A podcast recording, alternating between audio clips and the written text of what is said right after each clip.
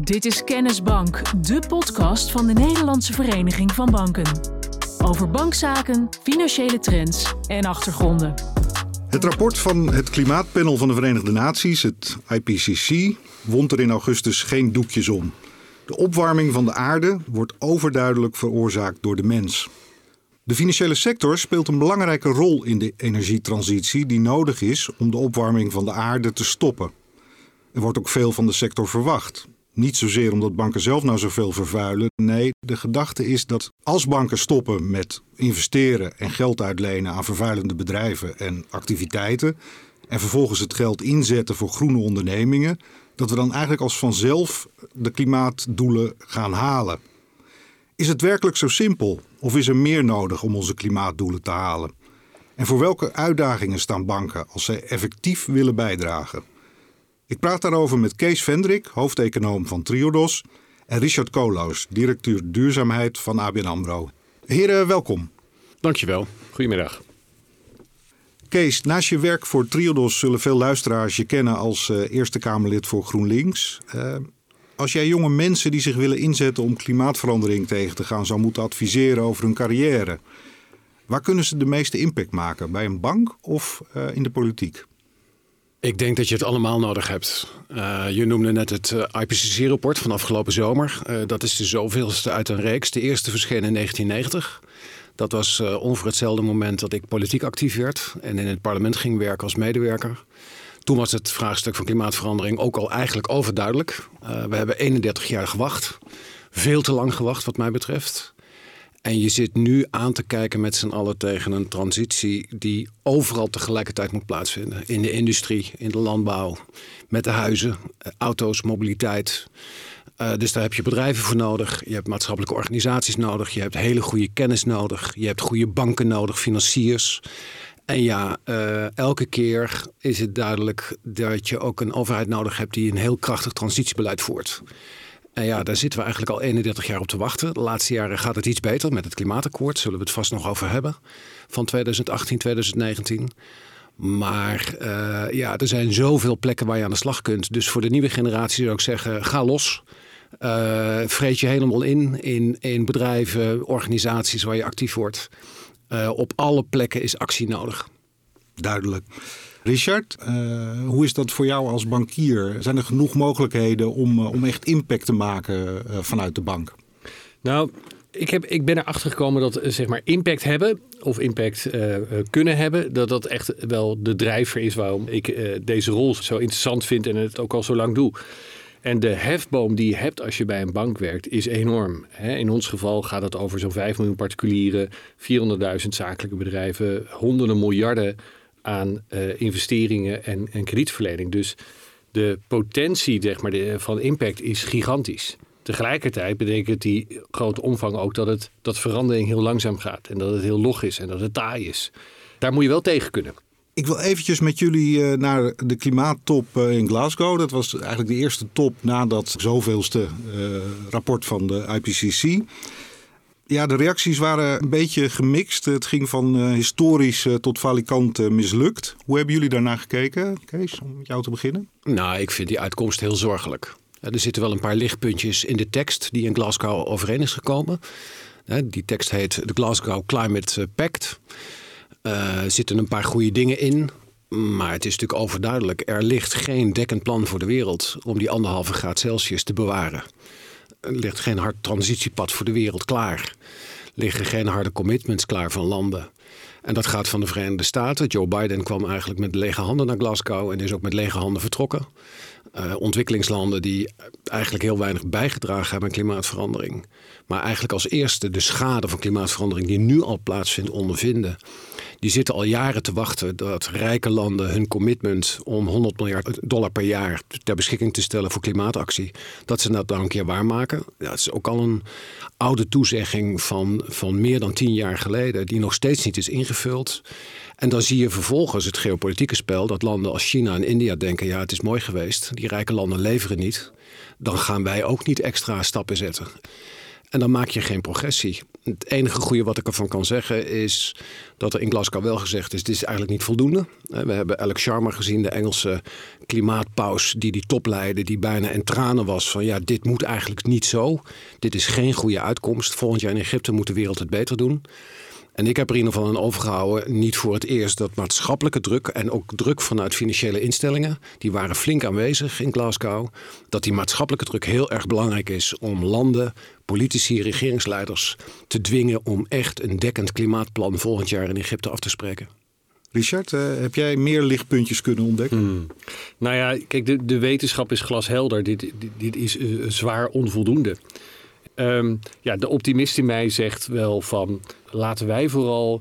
Uh, het is je circle of concern en circle of influence. Laat je daar waar je wel invloed op hebt. Ik heb geen invloed op wat er in Glasgow gebeurt. Maar ik heb wel invloed in wat er binnen ons bedrijf gebeurt en wat er met onze klanten gebeurt. Laten we daar dan op inzetten. Zorgen maken en huilen in je bed over wat er daar gebeurt is, heeft niet zoveel zin. Nee. Nou ja, laten we uh, dan meteen maar eens even kijken naar, naar onze eigen circle, de banken. Want hoe kunnen banken nou bijdragen aan, aan de oplossing? Je hoort vaak als banken nou maar stoppen met investeren in vervuilende bedrijven en activiteiten. En vervolgens dat dan inzetten voor groene ondernemingen, dan komt het wel, wel goed. Ja, ja. Is het echt zo simpel? Nou ja, kijk, diezelfde wetenschappelijke cijfers, zeg maar, laten ook zien dat 88% van de Nederlandse economie op fossiel draait. Dus dat is even de vraagkant. Ja, um, dat betekent dus als jij de Nederlandse economie bedient als bank, dat je dus voor 88% gemiddeld genomen ja, eigenlijk een fossiele industrie uh, financiert. Dus dat, dat onderscheid tussen goed en slecht, ja, weet je, we zijn allemaal slecht. Want we, ook ons huis wordt verwarmd uh, met aardgas. En ook uh, hè, de meeste van de auto's de, op de Nederlandse snelwegen rijden nog op benzine of diesel. En tegelijkertijd, hè, we kunnen wel zeggen van morgen moeten alle uh, fossiele centrales stil. En dan, hè, dan heb je alleen nog maar de elektriciteitsvoorziening. Maar dan gaat letterlijk het licht uit. En dus ook de economie valt stil. Dus, en, en hoe ga je daar nou mee om? Dat je voorkomt dat het dralen wordt, dat het pappen en nat houden wordt, dat het mooie beloftes zijn, maar er gebeurt te weinig. En die versnelling. Want um, ja, ik zeg altijd maar, we hebben onze klanten aan een elastiek. Als we te hard trekken, knapt het elastiek en zijn we onze klanten kwijt voor die klanten niet fijn, voor ons niet fijn. Hè? Eh, ook heel eerlijk zijn. Maar als we, we, we moeten wel trekken. En als we te zacht trekken, dan, dan, dan uh, hebben we dus geen impact. En dan, weet je, dan hebben we dus eigenlijk ook geen toegevoegde waarde. En, en laat ik ook heel eerlijk zijn, soms trekken die klanten aan ons. Hè. Soms is de elastiek de andere kant op. Dan zijn die, onze klanten verder dan wij en dan moeten wij bijbenen. En dat is de paradox. We, we moeten een radicaal om, met z'n allen. En we weten allemaal hoe ingewikkeld het is. Kees, hoe kijk jij daarnaar? Uh, uh, hebben banken de oplossing in zich door te zeggen van oké, okay, we stoppen hiermee? Nee, niet helemaal. Kijk, ik denk dat banken, financiers hebben een enorm belangrijke rol te spelen. Geld is machtig. Kredietverlening is machtig. Investeringen maken een verschil in de economie. En met geld breng je energie in de economie. Je maakt iets groot of je investeert er niet in en het komt niet tot stand of het verdwijnt op een gegeven moment. Dus financiers hebben een hele belangrijke rol. Maar ik ben het eens met wat Richard daarover zegt. Kijk, bij het klimaatakkoord was het eigenlijk andersom. Uh, toen heeft het kabinet gezegd, nou we gaan uh, voor de vijf grote sectoren van de Nederlandse economie. Dat is industrie, dat is de elektriciteitsproductie, de landbouw, de mobiliteit en de gebouwde omgeving, de huizen, de kantoren. Daar gaan we eigenlijk transitiepaden voor ontwikkelen. En wat ons toen opvalt, wij waren daar vanuit Triodos bij betrokken. Uh, ik heb een van die vijf tafels geleid, de elektriciteitstafel. toen was mijn verbazing meteen aan het begin, waar zijn de financiers? Uh, want je kan hele mooie transitiepaden afspreken met bedrijven, met netwerkbedrijven, met maatschappelijke organisaties, met gemeentes enzovoort. Iedereen die maar in die sectoren een rol heeft, die zo'n transitiepad kan aanjagen. Maar uiteindelijk heb je ook financiering nodig. En dan de beste financiers zijn degenen die zich vol bewust zijn van zo'n transitieopgave. En vol gaan inzetten en de deur maximaal openzetten voor alle groene projecten, ondernemingen die er maar te vinden zijn. Om te proberen dat zoveel mogelijk naar voren te halen, aan te jagen, groot te maken. Maar tegelijkertijd zich ook heel erg bewust zijn van wat ze eigenlijk aan uh, verkeerde activiteiten, fossiele activiteiten op hun boeken hebben staan. Uh, we hebben toen inderdaad de poging gedaan richting de minister van Financiën. Zegt, nou, dit is toch nog een gouden kans. Je moet die financiers erbij halen. Daar is dat klimaatcommitment van de financiële sector uitgeboren. En zo zou het moeten werken. En nou, dat werkt ook voor een deel zo. Ik geloof dat de financiële sector inmiddels behoorlijk wakker is geworden. Ook dankzij de goede acties van de Nederlandse Bank. En ja, weet je, het mooiste voorbeeld vind ik zelf nog altijd als ik kijk naar mijn lieve kleine bank. hoe we dat in 1987 deden. Wij waren de eerste financier van één windmolen in Nederland. Als je daar foto's van ziet, ja, dat ziet er nog heel erg houtje touwtje uit. Maar dat was gewoon een keuze om te zeggen: dit wordt de nieuwe energievoorziening van Nederland. Dat was in 1987, hè, dat is 44 of 34 jaar geleden. Nou, eigenlijk ondenkbaar. Wordt dit echt de nieuwe energie? Nou ja, vandaag de dag zie je het gebeuren. Niet alleen omdat wij die windmolen hebben gefinancierd, maar omdat op allerlei plekken in de wereld die nieuwe economie tot stand is gekomen. Omdat financiers op een gegeven moment de deur hebben opengezet. Ja, en nu is het een grote sector en nu gaan we daarvan profiteren. En dat zou op allerlei plekken moeten. En dat vraagt van de hele financiële sector maximaal bewustzijn over de rol die ze hebben te spelen. En ook een goed idee van wat is mijn vertrekpunt? Wat financier ik vandaag de dag? Wat ga ik versterken? Hoe kan ik met mijn klanten, mijn community daarin goed ondernemen?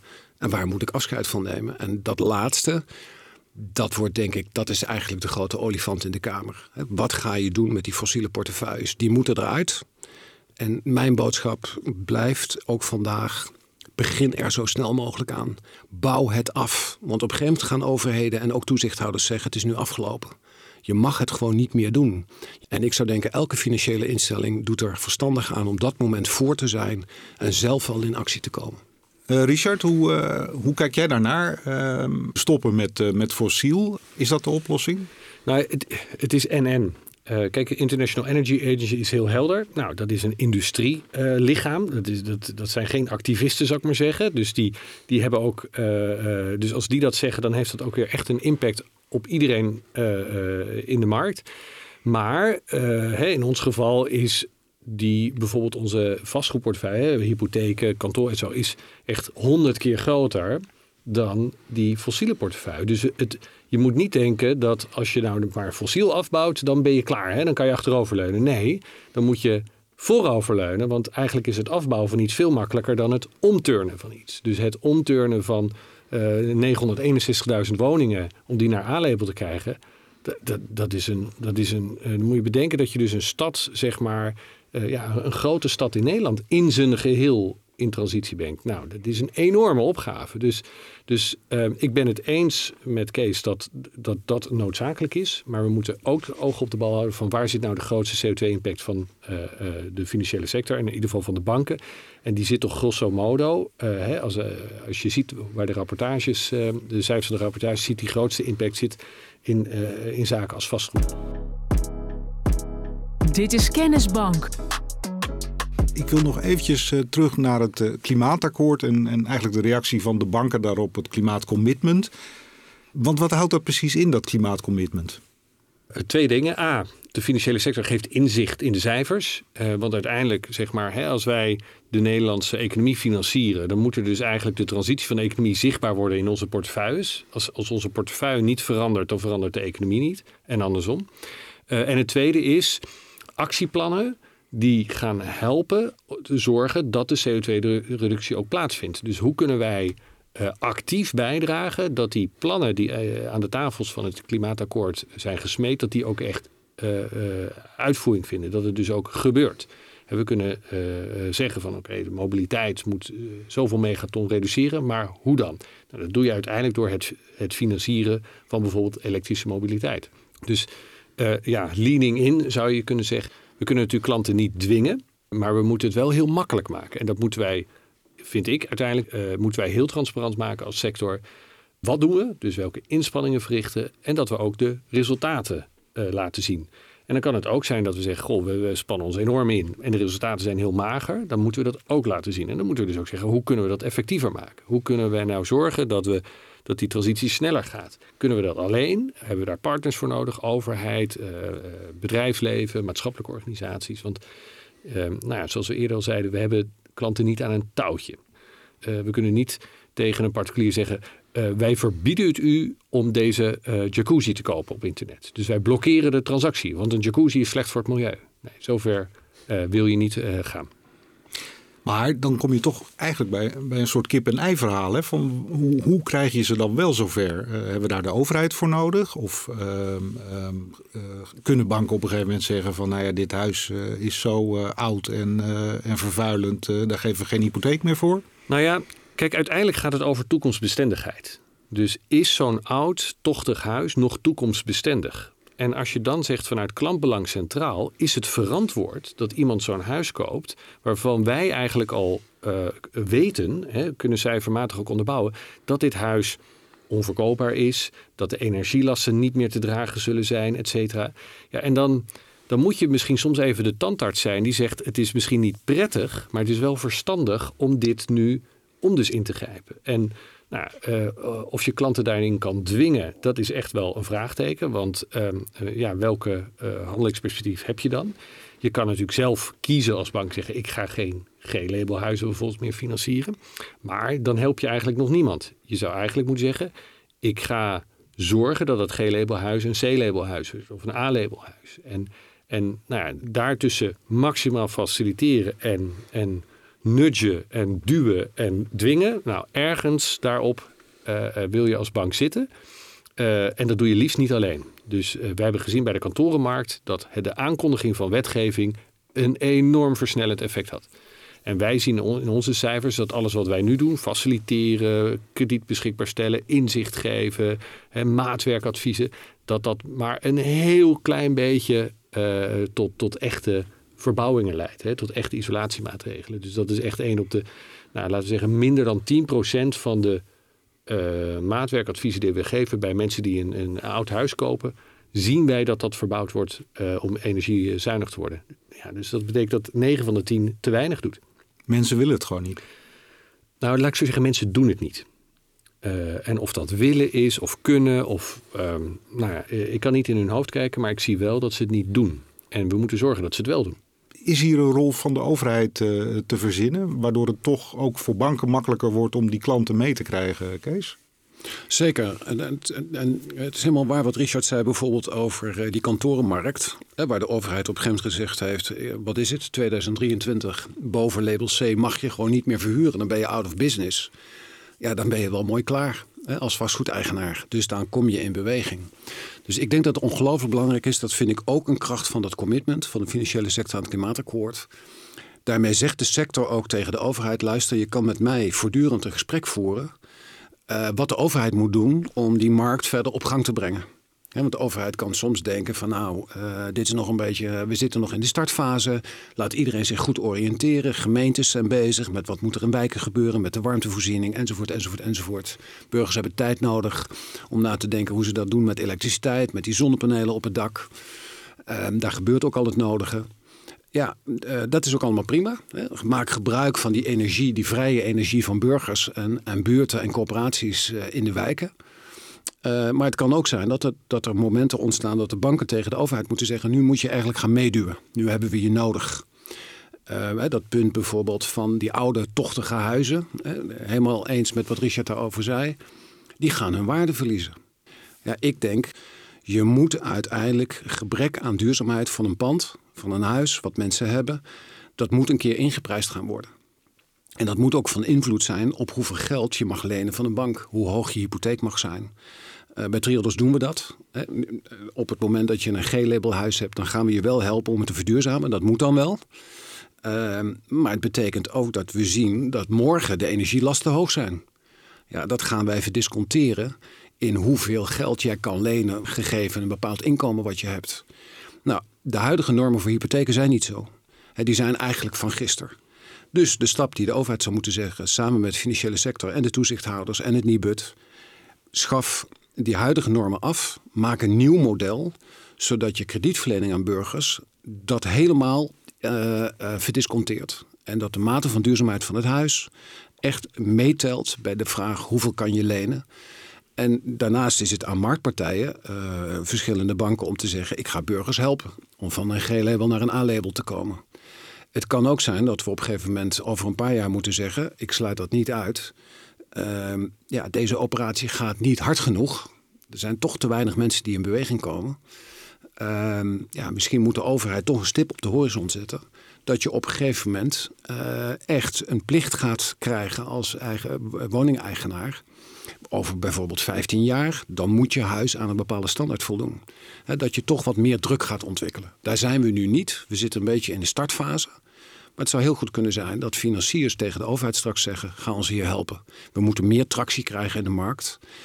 Uh, en dan is het ook weer heel erg relevant wat gemeentes gaan doen. En want je kan als individuele huiseigenaar met je eigen hypotheek en je gesprek met een bank denken: Nou, ik, uh, ik kies voor zonnepanelen op het dak, ik neem een warmteboiler, ik neem eventueel een warmtepomp om een huis te verwarmen. Uh, maar het kan ook heel goed zijn dat de gemeente in jouw wijk al voorzien heeft dat je uh, kan meedoen met een collectieve oplossing. Duurzame warmte die collectief wordt aangeboden bij jou in de straat. Nou, dat soort plannen moeten dan meer duidelijk zijn. Daar zijn gemeentes nu heel erg hard mee bezig. Ook dat is in het klimaatakkoord afgesproken. Dus dat is weer die rol van de overheid waar je naar vraagt. Dat moet allemaal wel duidelijk zijn dat burgers een goed perspectief hebben. Moet ik het zelf oplossen? Ga ik het doen in de buurt, in een collectieve oplossing? En vervolgens heb ik weer een gesprek met mijn bank. Kan die mij helpen om die transitie te maken? Ik hoor Kees 15 jaar zeggen: Ik hoop toch dat het sneller gaat. bij, bij kantoren lag dat op een jaar of acht. Kijk, als we bedenken dat, dat gemiddeld genomen een huis elke zeven jaar verkocht wordt. En dat je toch eigenlijk, wanneer ga je nou flink verbouwen? Dat doe je niet als je zo een paar jaar woont. Dat is toch het logische moment is, voordat je in een huis gaat, een bestaand huis. Laten we dat momentum pakken. En, en uh, ja, dat is elektraal natuurlijk heel ingewikkeld. Uh, want je legt burgers iets op. Nou, dat is altijd ingewikkeld. Maar um, ja, laten we kijken of de, desnoods dat we zeggen, nou, over zeven jaar of over een paar jaar een, een wat mildere norm. Met het vooruitzicht dat die norm daarna steeds zwaarder wordt. Dat je op die manier mensen zegt: oké, het is de, de, de korte termijn pijn is, is goed te absorberen. En uiteindelijk ook, tuurlijk gaat dat ergens pijn doen. Maar laten we dan focussen dat we die pijn oplossen. En laten we niet het besluit uit de weg gaan. Uh, Kees veel, heeft veel meer ervaring in de politiek dan ik. Dus ik, ik ben bang dat dit de, de, de, politieke realiteit is. Maar laten we alsjeblieft hopen dat we veel eerder uh, bij iets komen. Wat we zeggen, we maken die transitie sneller. Dit is Kennisbank. Ik wil naar het uh, volgende onderwerp. Want, want wat voor risico brengt klimaatverandering mee voor banken? De toezichthouder schreef dat nog niet alle financiële instellingen voldoende rekening houden met, met dat risico. Over wat voor risico's hebben we het dan eigenlijk precies? Je hebt het over een aantal risico's, fysieke risico's. Dus het kan gaan over overstromingen of juist droogte. Of, of andere, zeg maar, fysieke, heftige regen of storm of hagel. Of Waarin we echt bijvoorbeeld gewassen uh, te lijden hebben of uh, nou gebieden onder water komen te staan. Dus dat zijn de fysieke risico's en de transitierisico's. Als jij een bedrijf hebt dat heel erg afhankelijk is van nou, CO2-intensieve zaken en we gaan met z'n allen naar CO2-arm, ja, dan, dan is misschien jouw businessmodel niet meer het juiste. En dan ga je dus daaraan onderdoor. En dat leidt tot uh, kredietrisico's of beleggingsrisico's voor, voor beleggers. Nou, die, ja, dat zijn eigenlijk de hoofdrisico's. En dan heb je nog als derde heb je nog um, eigenlijk juridische risico's. Van goh, um, uh, ik, koop een huis. Um, daar hoort, uh, dat heb ik gefinancierd. Maar de bank wist eigenlijk al dat dat huis in een overstromingsgebied lag, bijvoorbeeld. En ja, nu uh, zijn we 25 jaar later en nu is het huis overstroomd. Of de palen zijn verrot. Of wat er, ja, ik vind eigenlijk dat die bank daar wel aanspreekbaar op is of aansprakelijk voor is. Of ik had gewoon belegd in een gewoon fonds en nu in één keer de, zakken mijn eh, beleggingen helemaal door het ijs omdat iedereen uit fossiel stapt. En, en daardoor mijn beleggingen niks meer waard waren. De bank wist dat toch. Nou, dat soort risico's. Dus, dus, en dat gaat uiteindelijk over uh, echte of gepercipieerde kennisverschillen. Uh, Want even voor de goede duidelijkheid: iedereen kan voor zichzelf uitzoeken of zijn of haar woning uh, uh, hè, welke kans je loopt om onder water te staan. Of welke kans je loopt om pauwrot. Alleen mensen zijn zich daar vaak niet bewust van. Dus dat zijn eigenlijk de grote risico-dingen. En die hebben dus effect. Want die hebben, en de ECB is daar nu heel hard op aan het drukken. Hoera. Want um, je mocht dat niet inprijzen in je risicomodellen. En nu moet je het gaan inprijzen in je, in je. En dat, daar zijn we heel blij mee. Want um, we zetten al langer in op die transitie. Alleen ja, hoe kan je nou een A-labelwoning aantrekkelijker maken dan een G-labelwoning, ook in de kredietverlening, als je dat in de risicoberekeningen, ja, dat eigenlijk dat transitierisico hè, van een energie uh, onzuinig huis naar zuinig huis, dat je dat niet, ja, dat je dat geen prijs mag geven. Dus uh, uh, dat is ingewikkeld natuurlijk, operationeel. Een heleboel rekenwerk, kwalitatief, kwantitatief. Uh, heb ik alle data wel voorhanden? Hoe dan? Ja, dat is ingewikkeld, maar uiteindelijk is het echt. Daarmee komt klimaatrisico's komen in de kern van de besluitvorming van banken, verzekeraars, beleggers, eh, pensioenfondsen. En dat, ja, eigenlijk is dat natuurlijk volstrekt logisch, want dat zijn dingen die we vroeger maar, nou ja, eh, hè, dat waren externaliteiten, dingen die niet meetellen. En dat, ja, dat punt zijn we echt voorbij. Of het nou over klimaat gaat, over biodiversiteit, over mensenrechten, dat zijn dingen die mee moeten tellen in de prijs van geld. Maar kunnen we het al goed inschatten? Hebben we genoeg data hiervoor? Nou ja, de, het oordeel van de toezichthouder is helder. Nee, dat kunnen we nog niet goed. En, en, en dat herken ik ook wel, want het is hè, voor ons allemaal nieuw. Dus er zijn nu honderden banken in Europa, zijn allemaal het wiel aan het proberen uit te vinden. En dat doen we ook in groepjes. Hè. Zo, samen leer je beter en sneller. Uh, want dat moet op een robuuste manier. Je kan niet zeggen, ik, uh, nou, ik denk dat dit wel klopt. En er dan twee jaar later achterkomen dat het helemaal niet klopt. Dus dat, dat is ingewikkeld. En het is een grote verandering. En verandering is ook ingewikkeld. Hè? Dus er is ook een bepaalde traagheid in, omdat het anders is. En wat ik altijd wel bijzonder vind in de bankaire sector, is dat je hebt dan bij elke verandering moet je berekenen welke risico's lopen omdat we veranderen.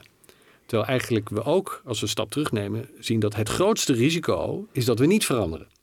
Dus je moet eigenlijk dat non-transition risk, dat is eigenlijk nog het allergrootste risico. En dat meten we niet. Dat zit niet in ons systeem, dat zit niet in ons DNA. Maar het is een beetje dus, uh, als je niet oppast, uh, ben je hè, rearranging the deck, deck, chairs on the Titanic. We moeten de grote dingen ook in het oog houden. We, we moeten sneller veranderen dan we nu doen. En dan we nu eigenlijk kunnen. Denk je dat uh, de wal het schip uiteindelijk keert doordat banken niet anders kunnen dan die risico's goed gaan inprijzen en ja, vervuilende activiteiten daarmee zo duur of zo risicovol worden dat ze als vanzelf zullen verdwijnen, Kees? Nou, ik hoop dat we het niet daarop aan laten komen. Dan zijn we namelijk te laat. Ik denk dat de beste manier om je risico's als financiële instelling goed te beheersen, is te sturen op impact. Dus dit is een beetje, uh, dit is nodig. Heel fijn dat de Europese Centrale Bank hierop drukt. Maar ik zeg het tegelijkertijd, uh, het is ook een beetje old school. Het is eigenlijk gewoon business as usual. Uh, banken hebben altijd al de taak om de risico's van een kredietverlening goed in beeld te hebben. En uh, daar modellen voor te ontwikkelen. Als ze niet de standardized approach volgen. Goed aan te geven hoe ze dat inprijzen, et cetera. Dat is hier niet anders. Het gaat om fysieke risico's. Het gaat om de transitierisico's. We gaan naar een duurzame economie toe. En dan moet je als bank zorgen dat je niet met je vingers tussen de deur komt. Ehm, ik zou denken waar we het zojuist over hadden. Dat hele klimaatcommitment. Uh, wat 80% van de Nederlandse financiële sector en ook overgrote deel van de banken heeft ondertekend, gaat niet zozeer over dat risico, uh, de risicobeheersing, maar dat gaat over maatschappelijke impact. Ik denk als je die route bewandelt, wat, wat is mijn rol als financiële instelling, als bank bij die transitie? Als je dat goed doet en proactief, dan is dat eigenlijk je beste risicobeheersing. Want dan ga je als het ware voor de golf uit Ga je je portefeuille herschikken, dan heb je goede engagement met je klanten, enzovoort, enzovoort, enzovoort. Dat is de beste risicobenadering. Ik zou denken, banken moeten het niet te ver laten komen op dit punt. Want uh, kijk, het kennen van klimaatrisico's en het beheersen daarvan is allemaal stap één. Maar wat er natuurlijk feitelijk moet gebeuren, dat, dat gaat ook komen. En daar gaat nog uh, natuurlijk een hoop glazen over komen, dat snap ik ook wel. Uiteindelijk zal dat betekenis gaan hebben voor de kapitaalspositie van banken. Het eigen kapitaal van banken is een functie van risico. Heb je een groter risico op je portefeuille, dan moet je meer kapitaal aanhouden. Dan gaat het echt pijn doen. Dan krijg je echt dat vervuilende portefeuilles een, een prijs krijgen. Ja, en dat zou ik zeer, uh, ik zou de, de, toezichthouders en ook de politici die hierover gaan, de ministers van Financiën, zeer willen aanmoedigen. Ga die route op. Dat is de beste manier om financiële instellingen die niet willen, die niet sturen op impact, en eigenlijk een beetje op vrijdagmiddag nog kijken naar hun klimaatrisico's. Om die te dwingen om een been bij te trekken. Maar wat je echt niet wil, is dat in die snelle transitie die we nodig hebben om die anderhalve graad te borgen, dat we tegelijkertijd overal in het financiële stelsel financiële instellingen hebben die hun risicobeheer niet op orde hebben. Ja, dan kan je in hele onaangename situaties terechtkomen. En dan gaat de transitie gehinderd worden ja, door financiële crisis van kleinere of grotere soort. Dat moeten we echt met z'n allen zien te vermijden. Er zit, er zit wel een risico in, want ehm, de snelle klap is eigenlijk gewoon alle dingen met een hoge CO2-uitstoot uh, van je balans schrappen. Dat betekent gewoon, uh, weet je, leningen die aflopen, niet meer verlengen, et cetera. Dan is je impact nul. Maar je balans is prachtig.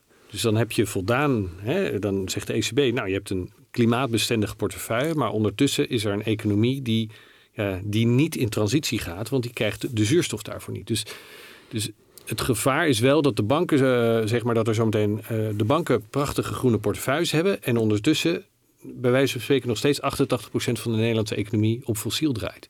Dat moeten we ook voorkomen, want de, het is veel taaier het, uh, om bedrijven en, en, burgers te helpen met die transitie. Het is veel makkelijker om een label A nieuwbouwwoning zeg maar, in je, aan je portefeuille toe te voegen, dan om een G-label huis om die mensen mee te krijgen om die naar C of B of A te brengen. Dat is een veel taaier, kostbaarder, langzamer traject. Dus als iedereen bij wijze van spreken alleen maar nog maar A-labelwoningen wil gaan financieren, ja, dan, dan, en, dan vervullen we ook onze rol niet. En hiermee zijn we aan het einde gekomen van deze derde aflevering van NVB Kennisbank over duurzaamheid. Kees Vendrik, hoofdeconoom van Triodos Bank en Richard Koloos, directeur duurzaamheid van ABN AMRO Bank. Dank jullie wel voor jullie komst. We hadden het zojuist al even over wat klimaatveranderingen kunnen betekenen voor de buffers van banken. Mocht je daar nou meer over willen weten, luister dan ook naar onze eerste aflevering. Josette van Zoest en Paul van Kempen leggen je daar alles uit over hoe buffers van banken werken. Je gaat daarvoor naar nvb.nl of je checkt je streamingdienst en dan kun je zoeken op NVB Kennisbank. Je luisterde naar Kennisbank, de podcast van de Nederlandse Vereniging van Banken. Tot de volgende aflevering.